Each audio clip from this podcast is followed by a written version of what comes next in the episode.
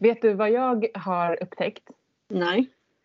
Att eh, jag har liksom legat och lyssnat på en fågel utanför mitt fönster i flera, flera dagar som bara sjunger från, alltså bara hela tiden om och om igen och varit så här, vad är det för fågel? Alltså den har, på tal om så här, ja men varelser och väsen som så här ropar på en så har jag verkligen varit så här, den här fågeln, gud! Mm. Och nu har jag äntligen lyckats lista ut vad det är för fågel. Och det okay. är en rosenfink. Rosenfink, jag måste googla. Jag... Alltså alla googlar nu rosenfink, för hur fina är inte de?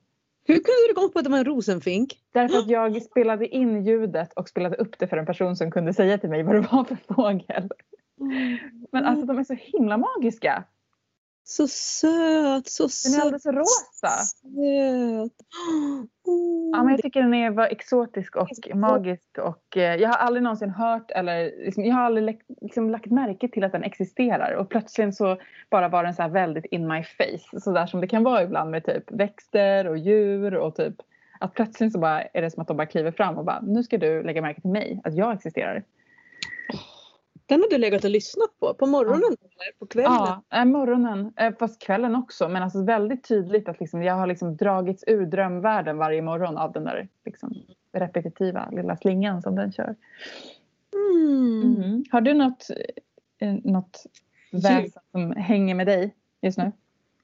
Nej, jag har bara Conny Grävare som håller på och gräver på min tomt. ja. Nej, alltså just nu ska jag säga att det känns som att det är den där traktorn som går och han håller på och den är där och det är bara grejer och sen så är det bara så här struggle against mördarsniglar. Eh, och liksom jag, vet när man går in och läser på så här mördarsniglar så känner man så här att och jag tycker det är så jobbigt för vad gäller mördarsniglar och att så här, oh naturen, man ska be om tillstånd, man ska liksom så här, allt ska vara så här ändå i harmoni så känner man, hur är man i harmoni med en mördarsnigel? Men det där är ju intressant för att du och jag sågs ju för bara eh, ett par veckor sedan så fick vi träffas IRL äntligen. Och då så satt vi och var magiska ute i ett naturreservat och så plötsligt så var det en jättestor spindel på, på filten. Och båda vi skrek samtidigt och sen så här, tittade på varandra och bara ja, naturpristinnor. Ja, men då kom vi också på att det var lite mer så här in your like blood i, i att, att man reagerar på ormar och sniglar och, och, och spindlar väldigt liksom. Ja men så evolutionärt liksom ja. att vi ska reagera och sen, sen pratade vi om det att det är ju vad man gör med den reaktionen sen som men alltså mördarsniglarna också. Det, jag känner att mördarsniglar är lite sådär om man ska ha en trädgård. Det är lite sådär It's you or me baby. För att en, alltså lyssna på det En mördarsnigel kan lägga 400 ägg på en vecka. Åh oh, gud. Nej men alltså det, det finns liksom, there, there's no... Igår så satt jag ute som värsta huntress. Jag hade så satt koppartejp runt pallkragarna. Och det ger som en liten mjuk eh, liksom, elektrisk stöt. De dör inte utan de bara vill inte gå vidare. Mm. Och då satt jag, du vet hur långsamma slugs är. Jag satt ute och tittade på den här när den långsamt klättrade upp för pallkragen. Och sen när den väl kom till koppartråden, då ville den inte gå upp. Nej. Den vände. Nej. Kände du då att så här, så här kan vi coexist? Ja. Du får finnas men du får liksom hålla dig utanför mina pallkragar. Precis, och du behöver inte föda så himla många barn som 400 per vecka liksom. Mm. Ja, nej men det kände jag och att det finns jättemycket annan mat. Du behöver inte äta upp morötterna, du behöver inte äta upp räddisorna eller tulsi. Liksom. Mm. Så kände jag. Mm. Det här var bra eh, för att jag tycker väl att det är väldigt jobbigt att eh, klippa dem. Liksom. Och, och... Men det där är liksom, jag märker också samma sak för mig nu med, med min hund att jag håller på att mata, jag är vegetarian, jag håller på att mata henne med diverse äckliga döda saker. och så liksom, det blir som att så här, plötsligt så är liksom är hon och jag ett team och då är det tyvärr på bekostnad av andra och du är ett team med dina växter och det är på, på bekostnad av sniglarna. Alltså det är så här, det, blir, det är lite konstigt.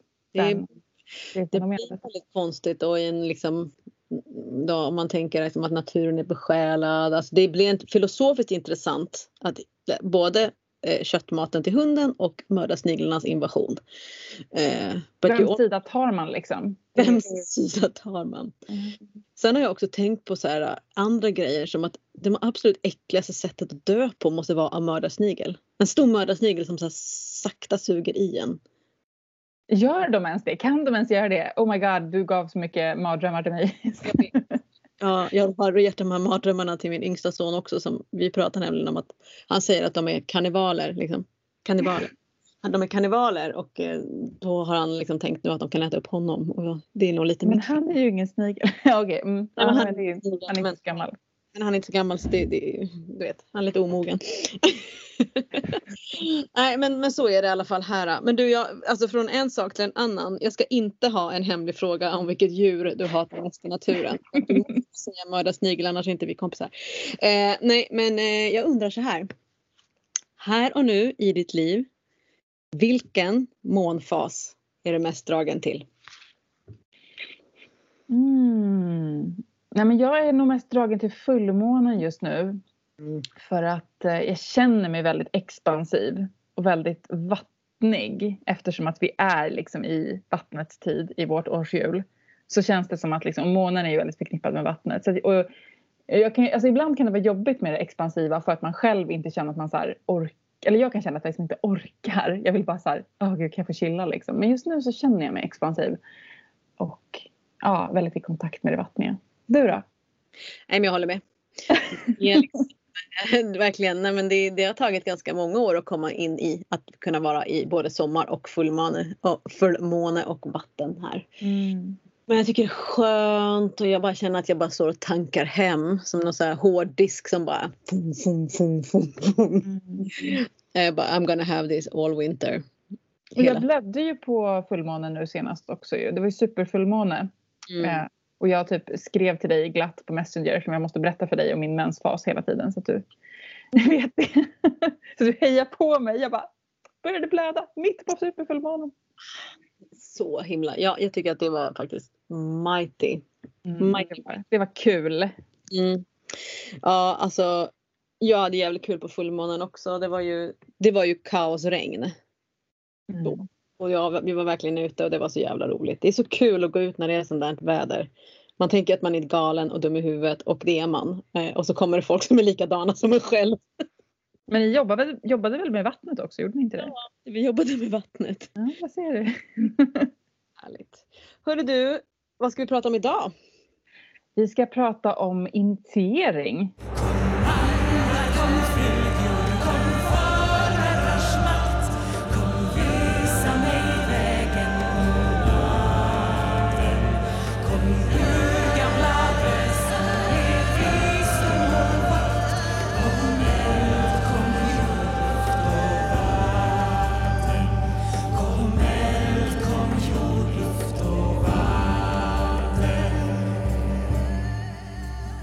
Mitt eh, bästa bästa ämne kan jag nästan tycka. Mm, varför då? då? Därför att det är någonting som jag har saknat i mitt liv.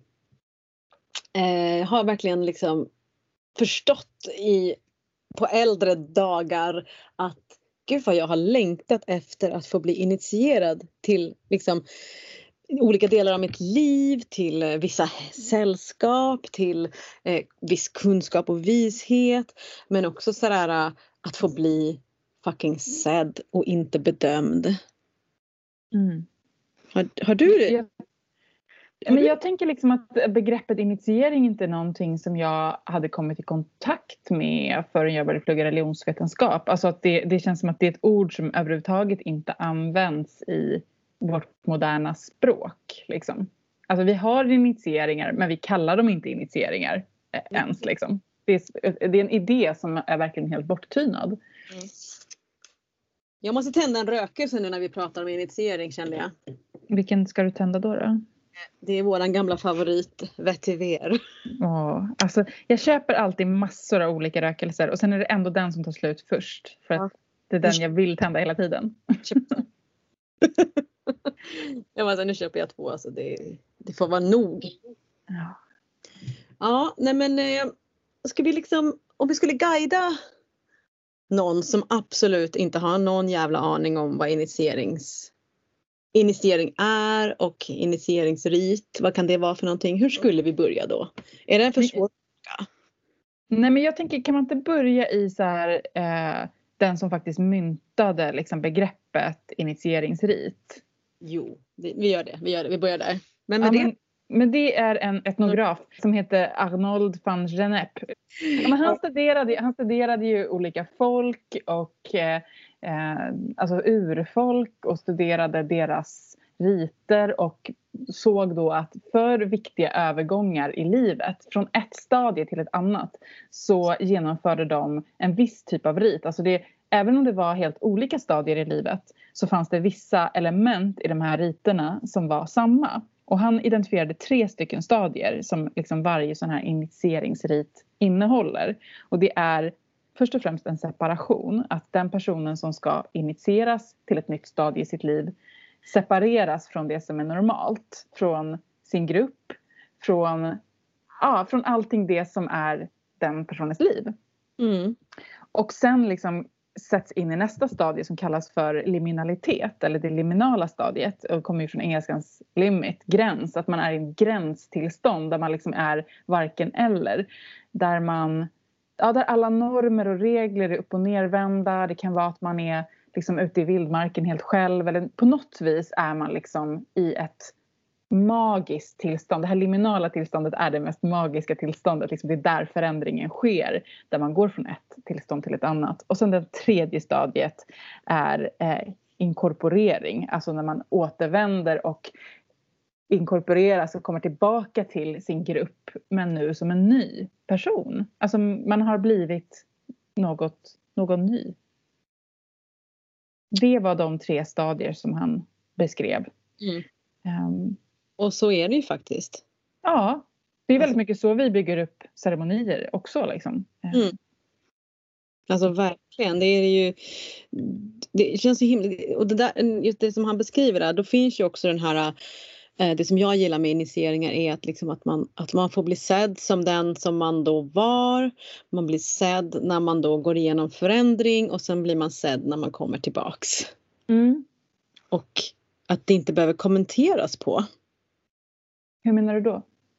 Nej men alltså sådär om jag eh, initieras till någonting, eh, vi säger sådär eh, att jag väljer att eh, bli mamma till ett barn eh, och att då när när jag har valt det här beslutet så skulle man, då, då, då lämnar jag ju någonting. Eh, jag lämnar ju ett, ett liv eh, som jag haft innan. Och sen då eh, om den, den, hela den processen skulle få bli sedd men inte kommenterad på. Alltså det skulle inte vara så himla mycket eh, råd och tankar, ofrivilliga råd och liksom det. lagda tankar från andra, en ständig massa oro för att man inte ska duga. Alltså man, ja, det gör man ju ändå. Man kommer ju ha tusen frågor och man kommer vilja fråga och man kommer vilja ha råd. Men det är typ att, som att bli gravid är som att bara säga Hej, jag vet ingenting. Speciellt om det är första graviditeten. Eh, och det är likadant när det där eh, lilla bebisen föds så är det liksom up for grabs. Mm. Eh, och det tänker jag egentligen är initiering. Men det är ju en initiering bara det att vi inte kallar det för det. Vi kallar det för typ graviditet och bebis. Ja, precis. För våra kroppar initierar ju oss vare sig vi vill eller inte. Alltså, våra kroppar genomgår en massa händelser. Vi föds, vi dör, Mm. vi får mens, vi hamnar i klimakteriet, vi får barn, vi gör abort. Alltså, vi blir sjuka. Mm. Eh, vi förlorar kanske kroppsliga funktioner. Alltså, det händer massa sådana dramatiska saker med våra kroppar. Och det i sig är initieringar som kommer med... Vår kropp kommer och ger oss kunskap vare sig det finns människor som kan hålla space för det eller inte. Mm. Men det kan ju bli mer eller mindre jag tänker så svårt att ta till sig och liksom integrera den här inkorporeringen. Liksom. Alltså att integrera den här upplevelsen. Och ibland kan det också bli trauma- traumatiskt om man inte får en bra initiering kring den upplevelsen. Liksom. Ja precis för det arbetet som du och jag jobbar mycket med nu, eh, presinarbete, handlar ju väldigt mycket om att om man inte får en då vad vi kallar hälsosam initiering eh, till nå- en, en viss eh, steg eller eh, förändring i ens liv, då kan det verkligen komma och bita en i svansen sen som en, en skuggsida eller någonting obearbetat och det liksom är i vägen för en att liksom ta sig vidare. Mm. Ja men precis. Exempelvis här, för att vara extra tydlig kan vi, nu gör jag ett exempel här som är då att ja men eh, en ung person börjar få bröst och istället för att då Alltså antingen är det ingen som kommenterar på det alls, det syns inte. Eh, vi vill inte, ingen vuxen vet hur man ska kommentera kring det där eller så är det några eh, andra barn i samma ålder eller någon annan vuxen som kommenterar på ett negativt sätt kring de här växande brösten. Och då blir det liksom en skam, typ så här oj kolla vilken hylla, wow vilka lökar eller så här åh hen har fått bröst. Eh, istället för att någon då på ett hälsosamt sätt skulle kunna fånga in den här personen och bara jag ser att din kropp förändras. Alltså jag vet inte om det är något bra ordval men liksom att man skulle kunna se det på ett annat sätt än att det blir eh, kommenterat på av människor som inte riktigt vet vad de säger. För det blir ju sen, det kan ju leda till en kroppsskam. Att få gå igenom en upplevelse utan att den blir kommenterad på och liksom så som du sa med graviditeten, alla har så himla mycket så här så här ska du tänka nu och så här ska du göra. Och jag tänker att det är lite som, alltså det är också att att få en fin initiering är ju självklart att få ta del av andras erfarenheter men inte i första hand. Det är inte i första hand att så här, nu ska jag få en bunt kunskap av någon utan att det mycket, mycket mer handlar om att någon håller space för mig att få möta det som faktiskt händer i mig själv. Med stöd och med spegling av någon annan men inte det här liksom nu ska jag berätta för dig hur det är att få mens eller att få bröst eller liksom, utan att få, få verkligen för jag tänker att det, det, är också en grej som kan bli problematisk med alla de här sakerna. Att man bara, nu ska vi fira den här grejen och så bara kanske man inte alls känner sig i firande. Man kanske inte känner det liksom att, att man måste få äga sin egen upplevelse. Vad är det liksom, vad behöver man för typ av initiering? Man behöver få känna det man känner. Mm. Och man, man, kan liksom, jag menar i ett samhälle som skulle ha initieringsritualer så kanske, jag menar vi har ju, kyrkan har ju haft liksom patent på många ritualer. Liksom, eh, dop och konfirmation och bröllop och begravning. Det är ju väldigt rite of passage, stora grejer som händer i, i en människas liv. Men i Sverige så är det ju liksom, det är inte på samma sätt. Kyrkan har inte lika, inte lika stor som den har varit och då urholkas ju också begreppen. Typ att man mm. har ett dop fast eh, för vem gör vi det här dopet liksom om man då inte tror, egentligen om man inte tror på riktigt liksom då är det mer som att man har kommit dit för att kyrkan är en symbol och en plats för någonting men man har kanske inte riktigt eh, eh, tänkt igenom att, att det faktiskt mm. är initieringsrit. Eh, och vad innebär en gudmor eller en gudfar och så vidare och så vidare. Och det är ju, där kan man ju skapa egna ceremonier eller egna ritualer. Men jag tror också så här att när vi, all, när vi inte har det och då är det så här, men gud vad blir det här för? Det här känns jättekonstigt. Eh, att eh, hylla en människas första blod. Men jag har hört ganska fina historier, dels i många måncirklar och dels också sådär folk som har skrivit till mig och berättat och sådär. Ja men det är ju allt ifrån typ så här någons eh, pappa som bara bjöd på middag och liksom nu, nu, har du, nu är du inte ett barn längre utan nu har du fått din första blödning så att du kommer bli kvinna. Du, det är din väg att vandra nu. Du är inte ett litet barn längre. Eh, och så hade han liksom pratat om sådär uh, vikten av att kunna förstå eh, alltså så här, hennes nej. Mm. Det var ju så här ascoolt. Mm. Och speciellt då kanske att den här manliga vuxna, i det här fallet hennes pappa pratar om det. Mm. Det blir skitstort liksom. Eh, och sen så kanske man kan tänka sig att om, om, om eh, hon har frågor eh, så skulle hon kunna fråga kanske någon annan eller sin pappa men han har ju aldrig blödit. Så de frågorna kanske är bättre att ta till någon som har blödit medan han bara liksom kunde ge det som han kunde ge i det här fallet. Mm. Väldigt enkel ritual men ändå så här fucking nail it daddy.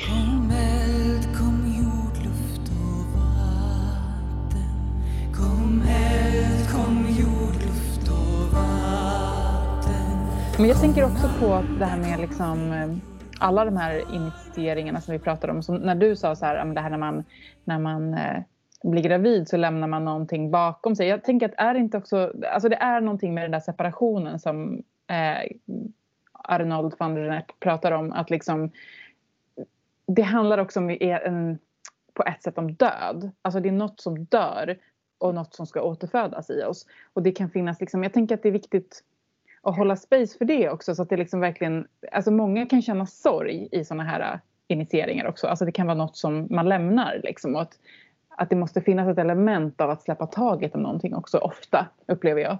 Mm. Ja. Det är inte alltid helt odelat. Det är ju, kan ju vara skrämmande liksom, att kliva in i någonting nytt. Och, eh, även om man också ofta behöver fira så liksom, det är ju det vi har pratat om så mycket att, att liksom vi lever i ett samhälle som lite grann skyr mörkret liksom, och gärna vill mm. bara ha de mm. glada delarna. Liksom. Nej, men jag kan ju liksom en, en, en möhippa, alltså det vill säga att man har en hippa innan man gifter sig. Mm. Eller bachelor party heter det väl, svensexa heter det för svensexa och möhippa ja men det är ju en jättefin lämna-ceremoni. Mm. Även om det kanske liksom i ett modernt samhälle inte är så himla stor skillnad för man kanske har levt tillsammans med personen i fråga väldigt många år och kanske mm. har barn och så vidare. Men att um, alltså jag hade ju en otrolig möhippa som mina vänner hade ordnat för mig. Den var ju helt fantastisk. F får jag berätta lite? Ja, gör det. För apropå att man kan verkligen skapa en egen ceremoni och ritual och de, nej men alltså det var helt sjukt. För det började med att jag eh, blev kidnappad eh, på Separation! Ja, exakt, jag blev kidnappad av eh, Gandalf och Frodo. Va? Och då sätter två kompisar till mig, eh, eh Andreas och Olle, sätter mig i en bil och så sätter de på så här eh, hörlurar och så är det så här They're taken to Hobbes to Isengard, they're taken to Hobbes to Isengard techno. Och sen så bara åker de runt, runt, runt och sen så släpper de av mig och så ger de mig en ring och så säger de så här Du kommer klara av det här. Sen så vände jag, de bara kolla ditåt och sen i skogen då är det liksom någon liten person som struttar runt där i liksom så här äh, mantel. Och så får jag följa efter den här personen och så följer jag efter den personen.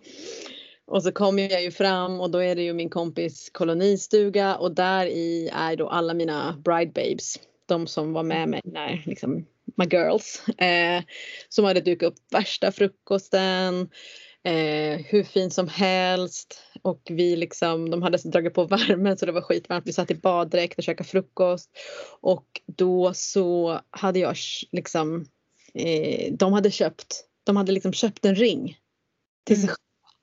Och så väg vi, vi liksom, vi ingick äktenskap, vi vänner. Nej vad fint.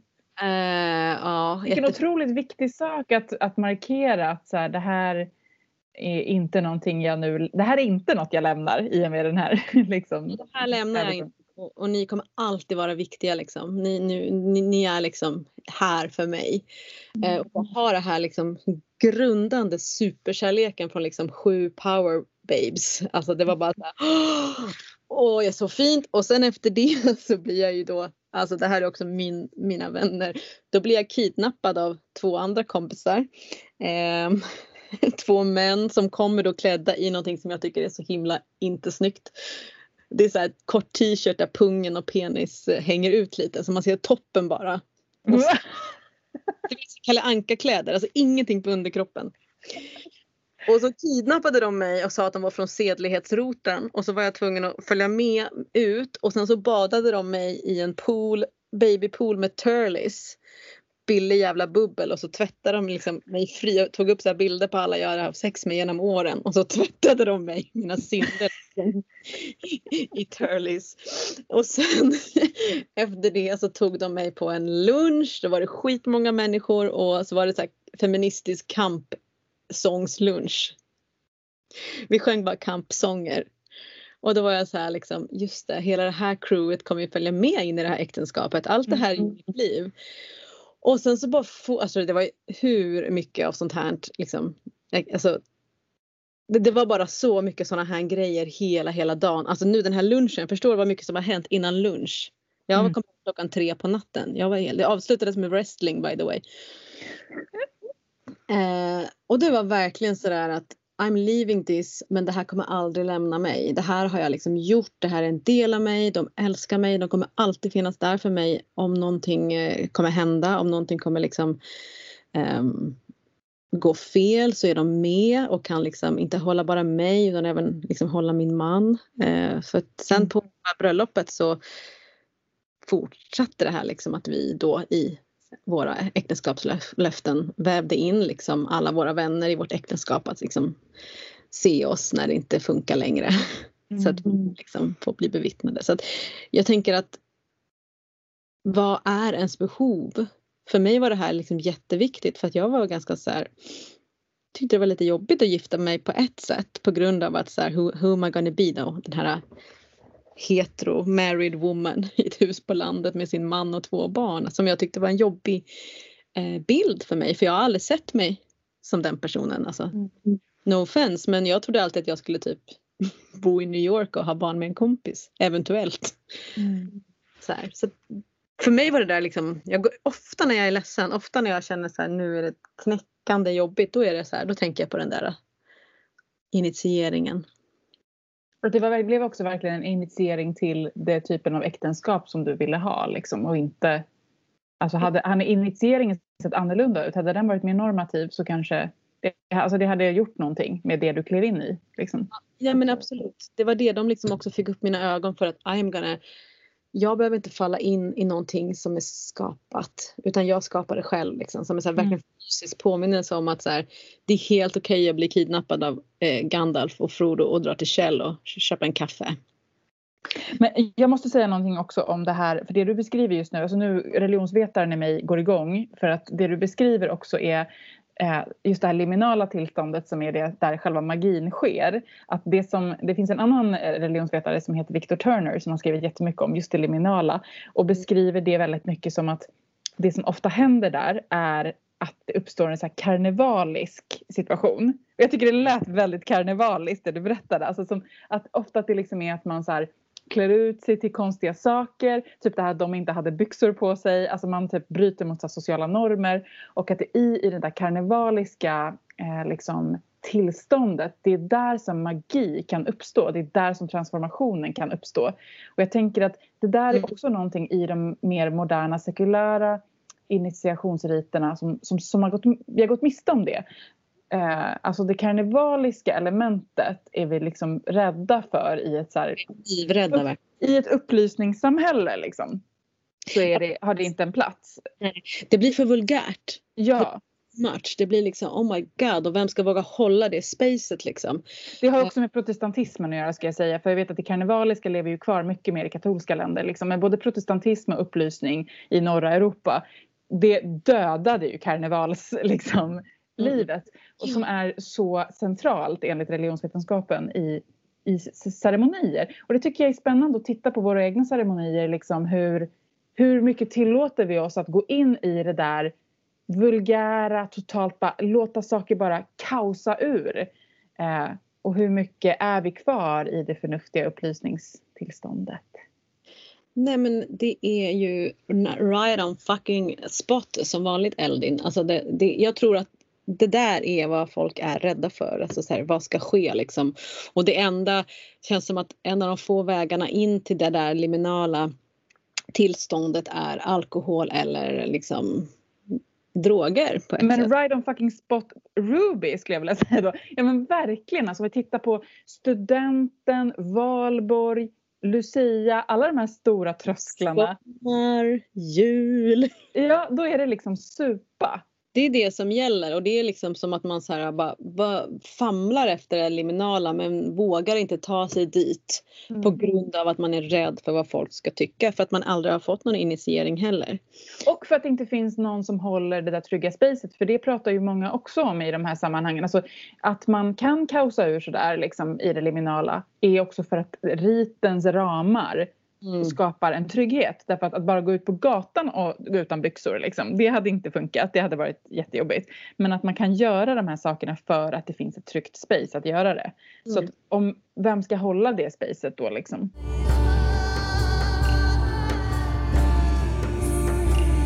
Jag tänker så här på typ de, de, väldigt många sad stories som också kommer upp i månhyddor när man sitter i cirkel och kanske pratar ett tema kring typ första menstruationen. Det är väldigt många som bara säger att ja, men min mamma sa att där fanns skydden.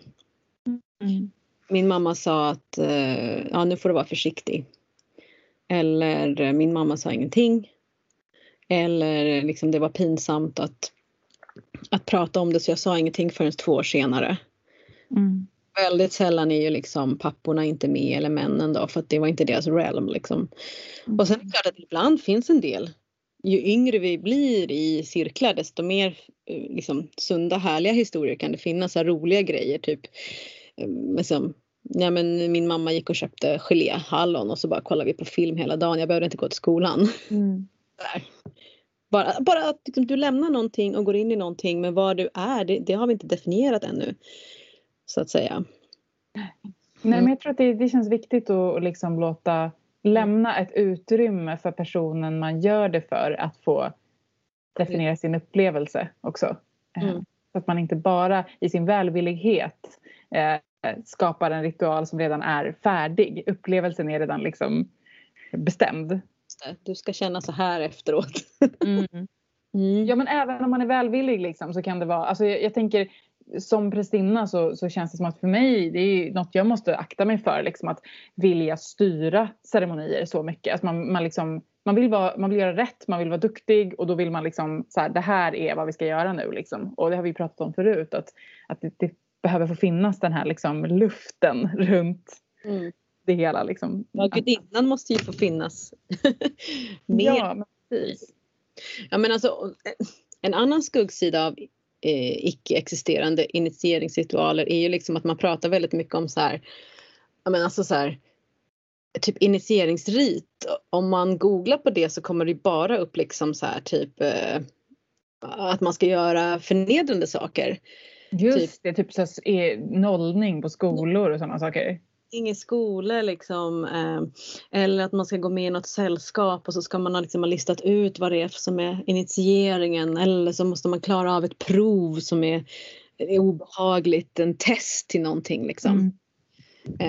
Att de här initieringsriterna blir liksom, ja men det blir läskigt liksom. Den, den, alltså den idén finns ju i allra högsta grad tycker jag också lite grann i vissa så andliga, nyandliga sammanhang. Att det är så här, ja men det ska, det vi pratat om, alltså det är så här, du ska, hårda vägen, det ska vara lite läskigt, det ska göra lite ont och till viss del så kanske det ska det men liksom det måste ju ske inom trygga ramar liksom. Eh, Ja. Ja. Och då kan man ju gå vidare till andra osunda initieringsritualer som just nu är typ så här initiering till sex. Mm, Så herregud. Den är ju bara, det är bara, alltså det, det har vi pratat om också men det är ju jävla fucking sår. Mm. Eh, Och, och något som jag har tänkt på jättemycket är ju men abort eh, som en sån händelse som är Ja, men precis som mens är väldigt nertystat så tänker jag att aborten är nästan ännu mer nertystat för att det är liksom så fruktansvärt många som har, har upplevt det. Deras kroppar har upplevt det. Men det är någonting som man inte pratar om på samma sätt som man pratar om så här, "Ja, men när fick du din första mens? Eller eh, en graviditet. Alltså det är liksom så otroligt tystat. Men det är en jättestor kroppslig det är en initiering liksom, som kan innebära både så otroligt mycket smärta och mycket sorg.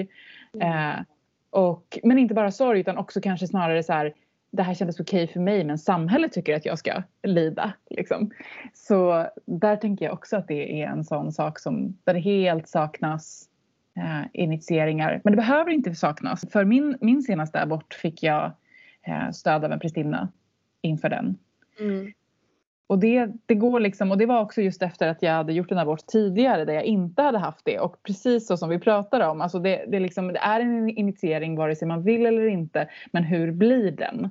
Eh, och, och när jag insåg att jag var tvungen att göra det en gång till långt senare så visste jag att den här gången så ska jag, så ska jag verkligen, jag ska gå in i den här initieringen. Jag ska gå in i den här upplevelsen som, en, som den initiering det är. Och lämna någonting bakom mig, vara i det här tomma liminala spacet där jag inte riktigt vet vad som kommer hända men där det finns en prästinna som håller space för mig och jag kommer komma tillbaka som någon delvis annan. Liksom. Ja men det där är ju superviktigt att du tar upp liksom att just när man, när man min, även om, om, om liksom det är helt liksom rätt beslut och alla vill det och det är liksom fantastiskt att vi har fri abort och hela den här grejen. Det är ändå någonting som är eh, att man lämnar någonting. Mm. Eh, och och att man blir någon annan, vilket jag tänker är viktigt, inte bara för att gå igenom aborten utan för det som liksom inte blev någonting. Så att, mm. att, att, man liksom verkligen separerar så här, nu blev det inte mer än så här den här gången på grund av det här och det här. Så det blir liksom för, det blir för mig som gör aborten, det blir för det barn som inte ska bli något barn. Det för blir de drömmar som kanske ja. liksom inte, alltså det är precis, det, det är liksom jag tycker det är en möjlig livsväg som inte blev vald. Liksom. Och där har det ju aldrig funnits någon slags ceremoni eller rit kring det. Det har ju bara varit skam. Liksom. Ja, I alla fall inte i de liksom, patriarkala samhällen som vi känner till. Typ. Alltså det är så här, who knows liksom, i forntid. Men... I forntid absolut. Jag menar, det har, jag ju, det har ju du och jag pratat om att jag bara gärna skulle vilja prata om abortens historia innan upplysningen. Mm. Eh, att man, det fanns mycket mer möj, möjligheter men nästan de sista jävla hundratals av år så har det ju varit verkligen skamfyllt. Alltså för det största liksom insikten jag fick i, i liksom, som med abort som initiering eh, var just det här med liv och död, alltså som är också det som initieringar handlar om. Att, mm. att liksom vara i en abort är att stå och balansera mellan liv och död, mellan de två polerna av vad det är att vara människa att möta liksom det potentiella livet och döden av det potentiella livet. Liksom. Mm. Som är på något vis gudinnans, det yttersta uttrycket av gudinnan också. Hon som håller liv och död i sina händer. Liksom. Och det är inte bara ljus och det är inte bara liv utan vi, vi omfamnar även mm. att ibland måste saker dö. Mm. Nej, men jag, har, jag har aldrig haft någon som har gjort en ceremoni för mig när jag har gjort abort. Men däremot har jag ju hållit liksom för. Mm. Och det, det är ju verkligen så viktig upplevelse. Uh, och jag tycker man skulle kunna göra det vid missfall. Absolut. Eh, egentligen, alltså vi har ju knappt initieringsritualer för ett, ett barn som föds. Nej dop liksom och sådär men det är inte alla som gör det och sen så speciellt om det är barn nummer tre den bara kommer in här i, i någon slags konstruktion och bara röjer runt liksom. Um, det behövs ju så väldigt lite. Man behöver egentligen bara välkomna en liten en till, till to the village. Mm. Och, och, säga namnet kanske eller bara sådär uh, vad som helst liksom. Det, det, det, behöver inte vara något jättestort heller men just det där att bli sedd och sen, jag vet, eh, jag tror att det var i eh, Sibirien. I, eh, där så finns det ett schamanfolk som liksom ger två namn till barnen. Så att när man eh, ger det första namnet när det är ett liten bebis då vill man liksom verkligen att att, att man vill skydda det här barnet så man ger det namnet som är bara så här typ lilla bajsungen eller äckelungen eller så här äh, fulis och sådär. Så, så att andarna inte ska vilja ta det här barnet. Bajsöga och sådär. Ändå när, när, när, när barnet kanske är två, tre år då gör man en ceremoni och så får det då det namnet som barnet ska bära. Mm. Jag kan skriva i eh, show notes på hemsidan vilket eh, folkslag det handlar om för jag har nämligen en artikel.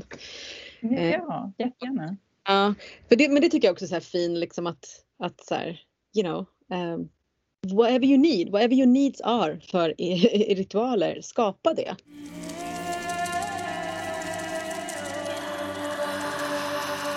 Man kanske har liksom gått igenom vissa av de här sakerna i livet, eller det har man ju garanterat gjort, och inte fått en, en så här, eh, healthy initiation.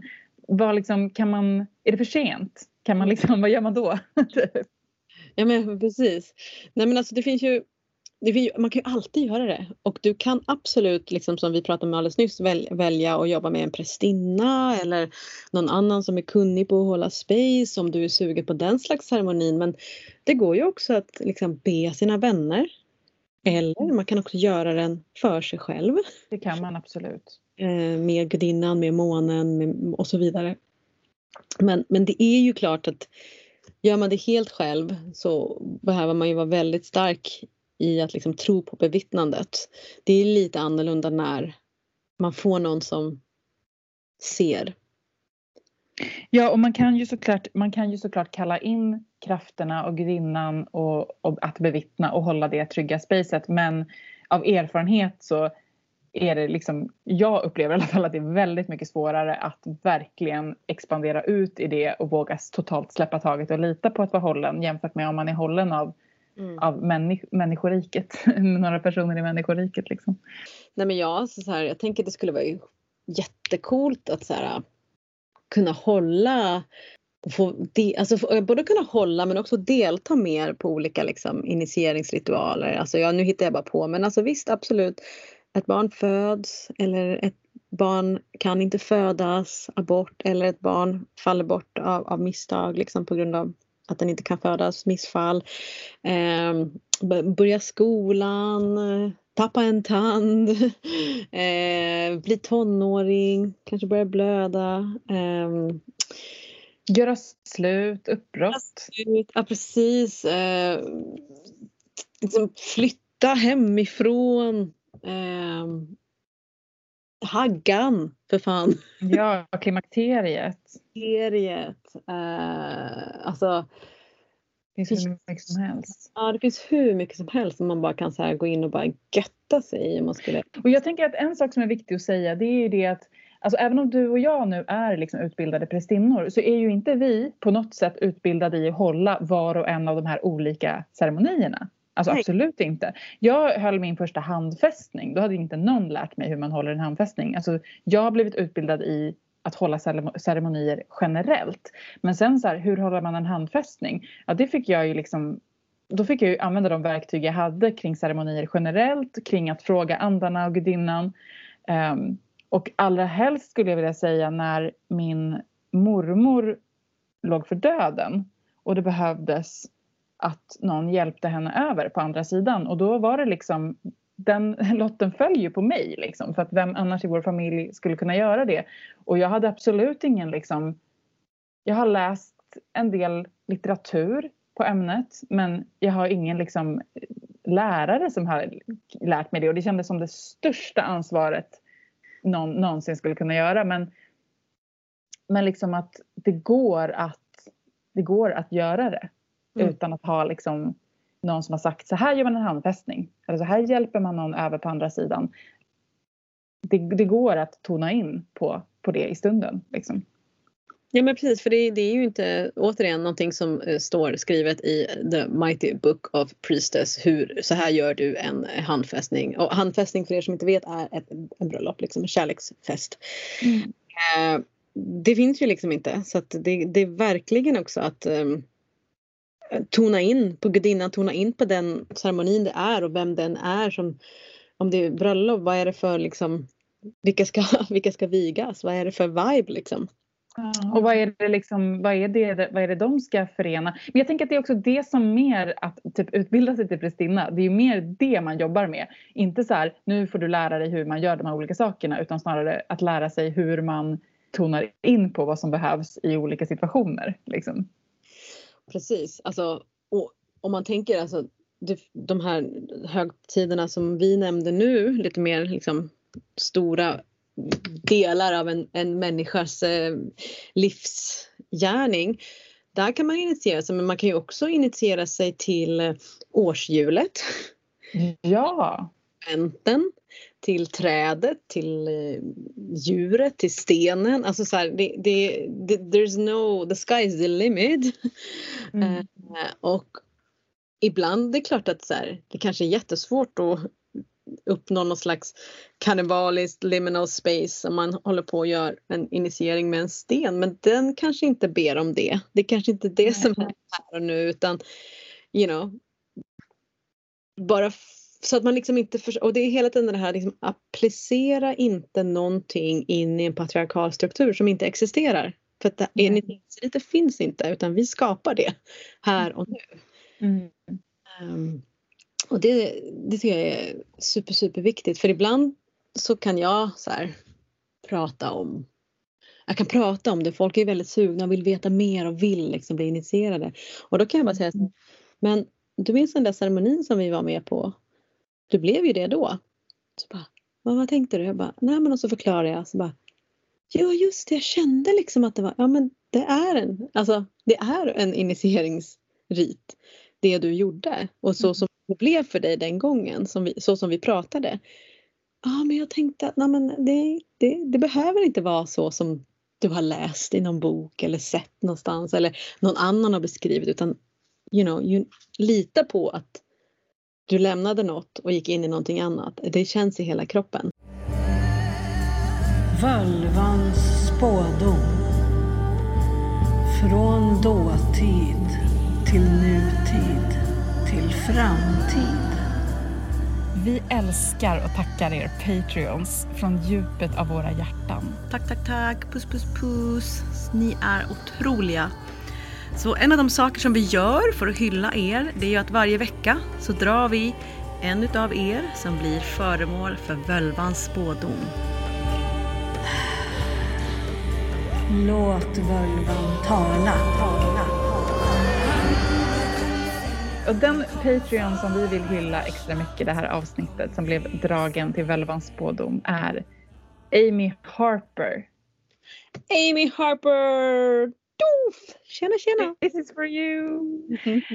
Och när jag eh, drömde lite med dig Amy och såg vad det skulle komma för väsen så kom det en kvinnlig gestalt som var så stor som upp till himlen, från jorden till himlen i en jättestor mörkblå kappa som liksom bara täckte himlen liksom, ner mot jorden. Eh, fodrad med alla himlens stjärnor. Mm. Som en stor, stor modersgestalt som liksom bara höll världen under sin kappa. Wow. Jag tänker... Ja, vad sa du? tänker på, undrar vem det är, men jag tänker att det kan vara någon.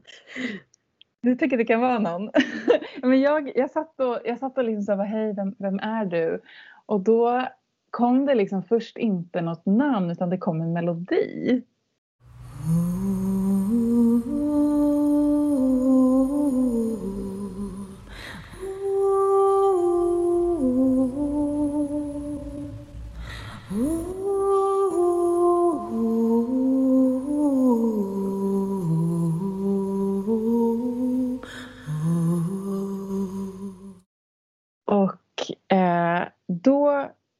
Kände jag att det var Dano som hade kommit.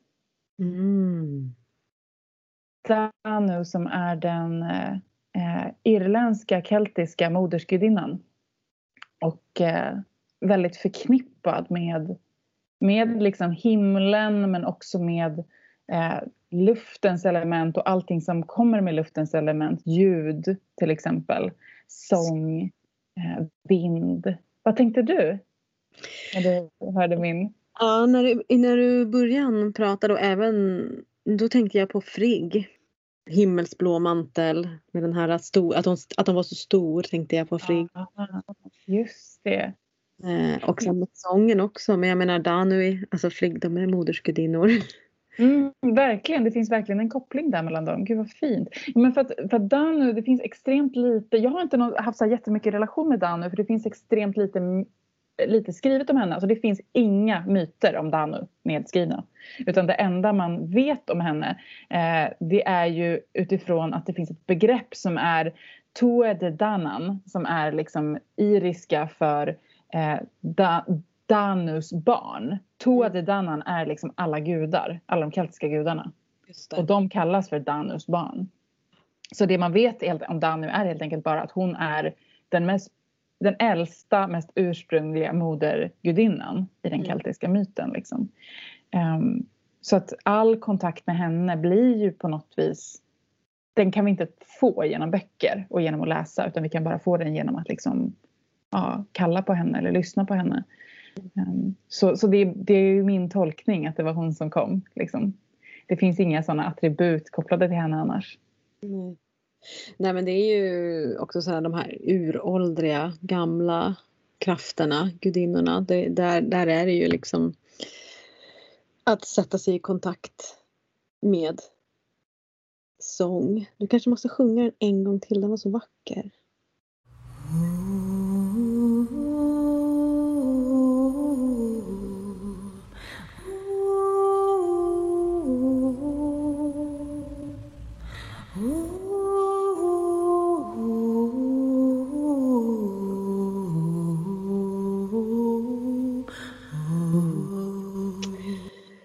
Vaggvisa på något vis nästan. Ja, men det finns ju väldigt lite myter om Frigg också. Ja, Sådär, liksom. Det är ju inte någon riktig sån här historia, historia. Ja, vad fint Eldin. mm. Mm. så Väldigt, väldigt liksom stark och lugnande kraft. Ja, hon kom, hon kom väldigt mycket med liksom men Jag försökte så här, vad, vad kommer du med för, för någonting? Och det var väldigt mycket så här att, att vara beskyddad. Att, att kunna vila i att vara hållen, att vara beskyddad. Och att också kliva in i de liksom större perspektiven. Att liksom inte bekymra sig så mycket över de små mänskliga detaljerna utan liksom så här för en stund kunna ta, bli så där stor liksom och kunna så här så uråldrig och vad, hur ser jag på världen då med de ögonen, med Danus ögon eller Friggs ögon. Shit alltså vad häftigt, vad häftigt. Ja, den är till dig Amy. Eh, fan vad fint. Mm, tack för att du är vår Patreon. Tack, tack. Och apropå Patreons så eh, tänkte ju jag på en sak. Det är ju så himla fantastiskt när du skrev till mig att vi har 64 Patreons. Alltså wow. Den podd som du lyssnar på hade bara 30 och den har typ jättemånga lyssnare. Så det betyder Ja, alltså, det betyder att vi har lyssnare som verkligen är så engagerade och inte Ja. bara typ så här lyssnar lite. det är så jävla coolt. Och där, men, men då tänkte jag så här att, att, att eh, vi har ju 578 medlemmar i Facebook eftersnacksgruppen. Det kanske är några av er som är med i eftersnacksgruppen som faktiskt funderar lite på att bli Patreon. Så man kan ju bli det från 25 kronor i månaden och uppåt. Och faktiskt så, så hjälper det oss otroligt mycket för att det betyder liksom att om vi vet att vi har en viss inkomst då kan vi liksom boka av betaljobb och göra så ännu mer research och liksom ta mer tid för inspelning och så vidare. Så att för oss är det så här, alltså wow, när vi fick våran utbetalning där, vi bara va? Så det är faktiskt, alltså det är värt så mycket. Så går ni och funderar på det så just go for it. Ni kan Och jag, ska, och jag ska få göra en så rolig sak nu bara i veckan. Det är ju att jag ska få ha en en till en möte med en av våra Patreons som man får när man är på Crone-nivå. Då får man en timme med dig eller mig. Ja, det är ju verkligen fantastiskt. Och, Det ska bli jätte, jättefint. och de, de som är på den nivån får ju också en, en månatlig ceremoni skickad till sig. Mm. Och den kommer ju också alldeles, alldeles nu i, i dagarna. alldeles nu i dagarna. Och sen så tänker jag också lite på att du vet vi har haft massa fina erbjudanden och vi har ju ändå ett nätverk där det kommer ut eh, det vi kan liksom ge så att säga. Lite procent där, lite procent där och nu kan man ju få så här holistic pelvic care. Eh, så att eh, Var det 20 procent på den? Eller vad var det? ja, 20 procent på den. Eh, det står ju på Patreon allt sånt där. Allt. Så att alltså you're thinking about it, don't hesitate, just do it. Och. En sak till. Vad är det för koncept som vi eh, ska lansera nu inför sommaren? Ja, men det är så himla roligt. Vi, vi gjorde ju ett special på jul. Det gjorde vi gudinne special. Och nu tänkte vi att nu måste vi göra någonting på sommaren. Och då var det du som kom på det här med sommarpratare. Exakt, det kom jag på! Så vi har liksom fått tagit några personer som vi har velat prata med. Och nu får vi chansen att liksom bara gå all in på att ja, snacka med några personer som vi tycker har jätteintressanta idéer, erfarenheter, kunskap. Och göra det hela sommaren. Mm. Och då kan vi verkligen ta ut liksom Liksom vi kan också pusha avsnitten lite grann. Man har lite längre tid att ligga där i sin lilla hängmatta eller hammock eller vad man nu gör och bara insupa witchy notes. Mm. Mm. Så nästa, nästa, nästa avsnitt, då börjar sommarpratet. Då börjar sommarpratet. Alright, hej då!